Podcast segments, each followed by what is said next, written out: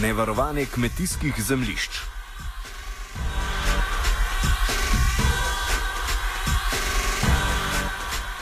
Visokopotezne politične napovedi o politiki trajnostnega razvoja, ki se jih je v kriznih letih nalezla tudi parlamentarna in vladna politična klientela, je pod vprašaj postavilo računsko sodišče.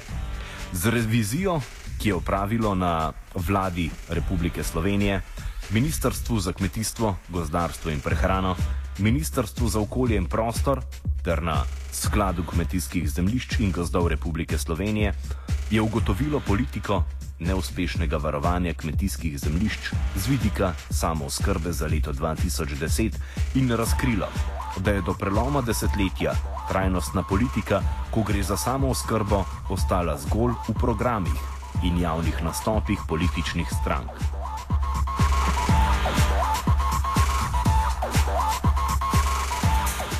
Kaj je natančneje?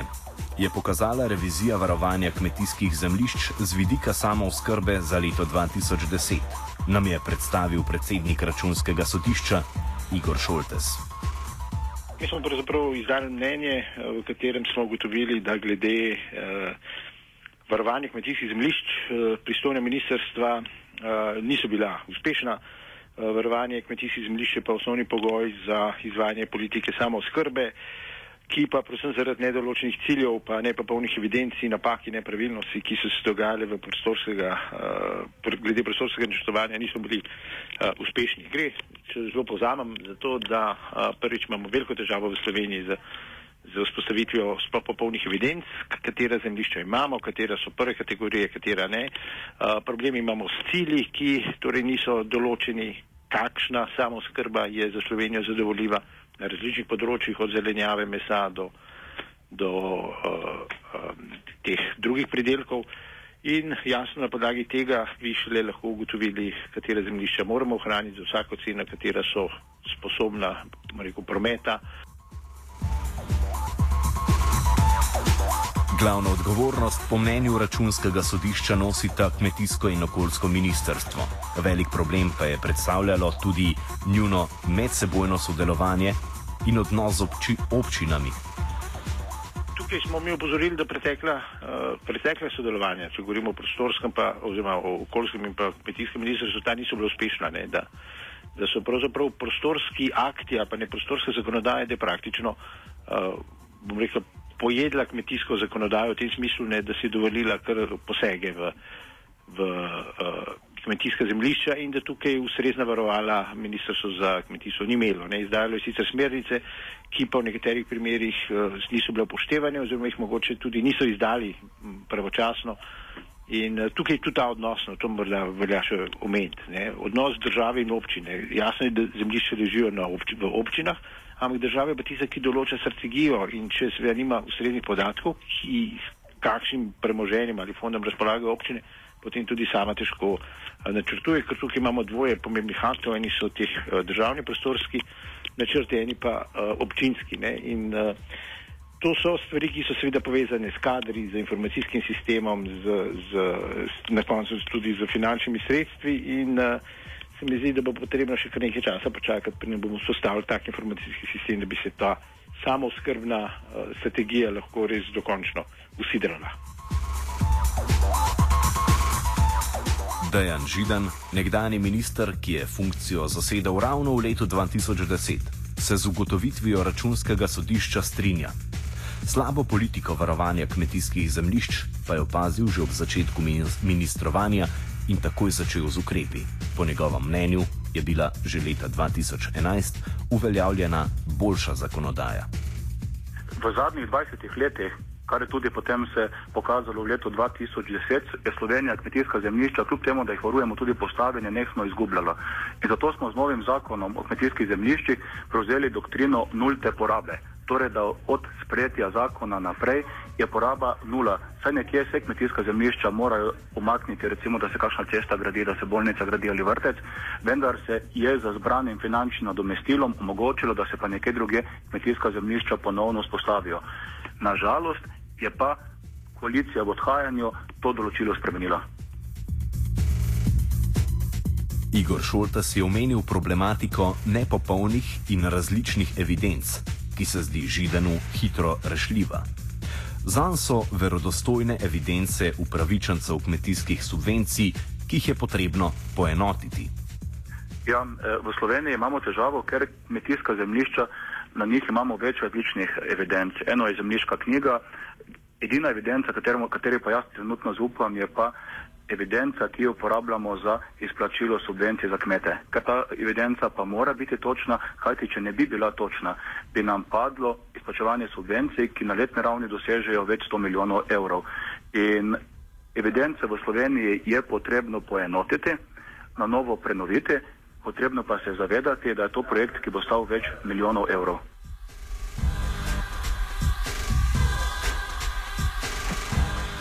Predsednik računskega sodišča Igor Šoltes opozarja tudi na vpliv različnih lobijev na slabo varovanje kmetijskih zemljišč. To je toliko bolj kritično, predvsem zaradi samooskrbe Slovenije, ko, ki ob izgubi več deset hektarjev kmetijskih zemljišč na dan, kot jih je pokazala revizija za leto 2010, postaja kritično.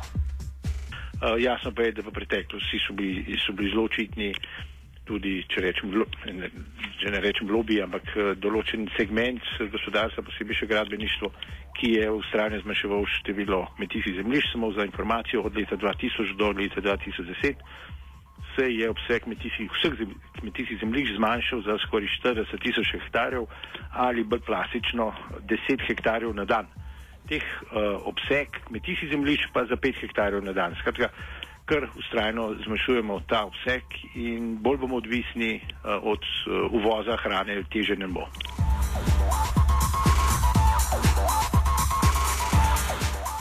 Da je stanje glede samo preskrbe v Sloveniji, se zaveda tudi nekdani in najverjetnejši bodoči kmetijski minister Dajan Židan, ki pa ostaja optimist. Mi v Sloveniji smo, kar se prehranske varnosti tiče, mi nismo varna država. Saj, če pride do prehranske krize, Slovenija ni sposobna sama nahraniti svojih državljank in državljanov. E, trenutna samozkrba, govorim pa o uradnih podatkih, konec leta 2010-2011, ker za danes še ni uradnih podatkov, je, je naslednja. Imamo 38 odstotno samozkrbo pri vrtninah, imamo približno 69 odstotno samozkrbo pri krušni žiti približno 83 odstotno pri mesu in nekaj čez 100 odstotno recimo pri mleku. Tisto, kar moramo doseči v naslednjih nekaj letih je, da pomembno dvignemo samo skrbo pri krušnih žitih. Vse krušne žita so osnova prehranske varnosti in tu moramo priti nekje na 80 do 90 odstotkov in dvigniti pri vrtninah. Tu pa lahko recimo z nekaj ukrepi pridemo v 3 do 4 letah na 70 odstotno samo skrbo. Kako te trende obrniti? Te, te trende smo začeli obračati že leta 2011, zato tudi se je nekoliko vse skupaj izboljšalo. Tudi državni zbor je sprejel strategijo, kako zmagati na tem področju. Z sprejetjem resolucije zagotovimo si hrano za jutri. In jaz moram reči, da če bomo tej resoluciji in tem operativnim ukrepom sledili, jaz mislim, da državljank in državljanov ne bomo postili kot država na cedilu.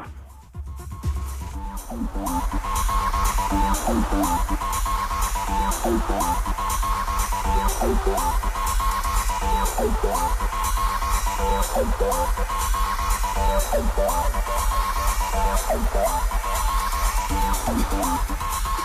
O slabi politiki varovanja kmetijskih zemljišč smo govorili še z okoljevarstvenikom Antonom Komatom. Prisluhnite krajšemu pogovoru. Torej, računsko sodišče je danes uh, predstavilo poročilo oziroma revizijo Eh, varovanja kmetijskih zemljišč v Sloveniji in, in ga vidi kot zelo neuspešno, ker se gre za poročilo leta 2010.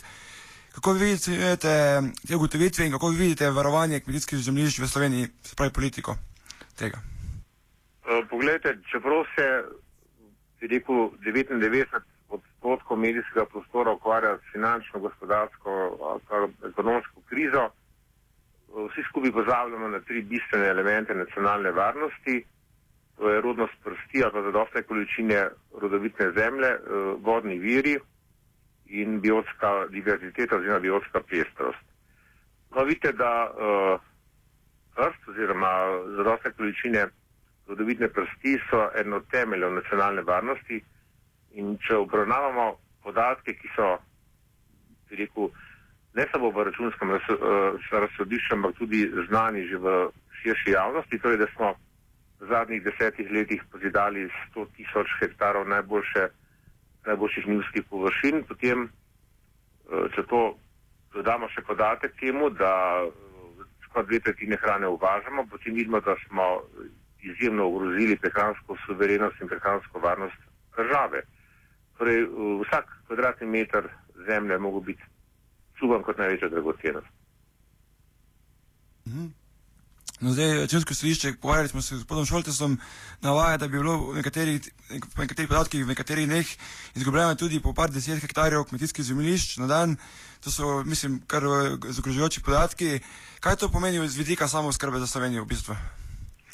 Ja, to je nepovratna izguba, ne, rodovite zemlje. Zdaj, če gledamo še to v kontekstu teh obljub uh, nove koalicije, da ne bi spet začeli z nekimi množičnimi gradbenimi deli, kaj bomo do konca zabetonirali, pa zasfaltirali celo Slovenijo, meni to ni jasno, v katero smer to pele, torej bomo resnično še enkrat podarjamo ogrozili nacionalno varnost države. Glede, če nimamo dovolj hrane lastne, ne, potem nam nobeno članstvo v NATO paktu ali pa ne vem kakšni uh, vojaški zvezi ne pomaga nič, niti oklepniki, niti specialci, kajti za dosti količine hrane si more vsak narod sam predelati in tudi obarbati vodne vire. To so temelji nacionalne varnosti, ne pa neke vojaške enote ali pa policajske enote. Govorimo o samo skrbi, kako kritična situacija glede tega v Sloveniji. Ja, mislim, da dokler bomo samo govorili, pa nič storili, bomo sonili še globje v to brezno, v katerem smo zdaj.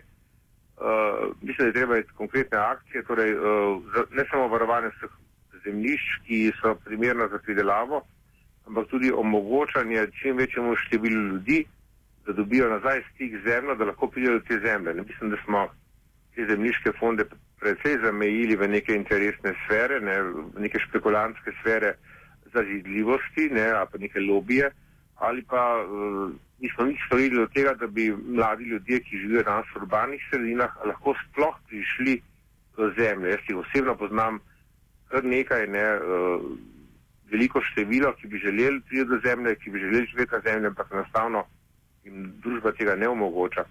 Jaz bi tukaj vsem politikom dal v branje uh, angliški nacionalni program uh, Food 2030, ne, v katerem se želijo približati 100% samozkrbi in to angliži, ki imajo danes 74% samozkrbo, mi imamo pa dobrih 30 odstotno. Torej, modra država gre v smeri reševanja samozkrbe, uh, neumna država bi pa vse zabetonirala. Moče še zadnje vprašanje. Uh, Zdaj, kot je brati v nekaterih napovedih, naj bi kmetijsko ministrstvo v novi koaliciji ponovno prevzel Dejan Židan. Zdaj, govorili smo tudi z njim o tej problematiki. Sam je dejal, da je v preteklem mandatu, ko je bil minister, se trudil, da bi naredil čim več eh, na, pod, na področju samo skrbe in zaščite kmetijskih zemljišč. Kako gledate njegovo, eh, njegovo delovanje v prejšnjem mandatu in kako, ga vidite kot novega ministra? Ja, lejte, jaz sem že večkrat povdaril tudi javno, da je edini normalen minister, ki smo Slovenci imeli v 20 letih, je bil stodejen židan. Ne? Upam, da bo zdaj imel toliko pristojnosti in toliko moči, da bo lahko uspel to svojo odlično zamisel o povečani samozkrbi Slovenije.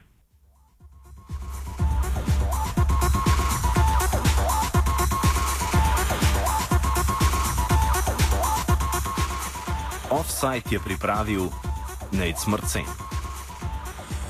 Oh.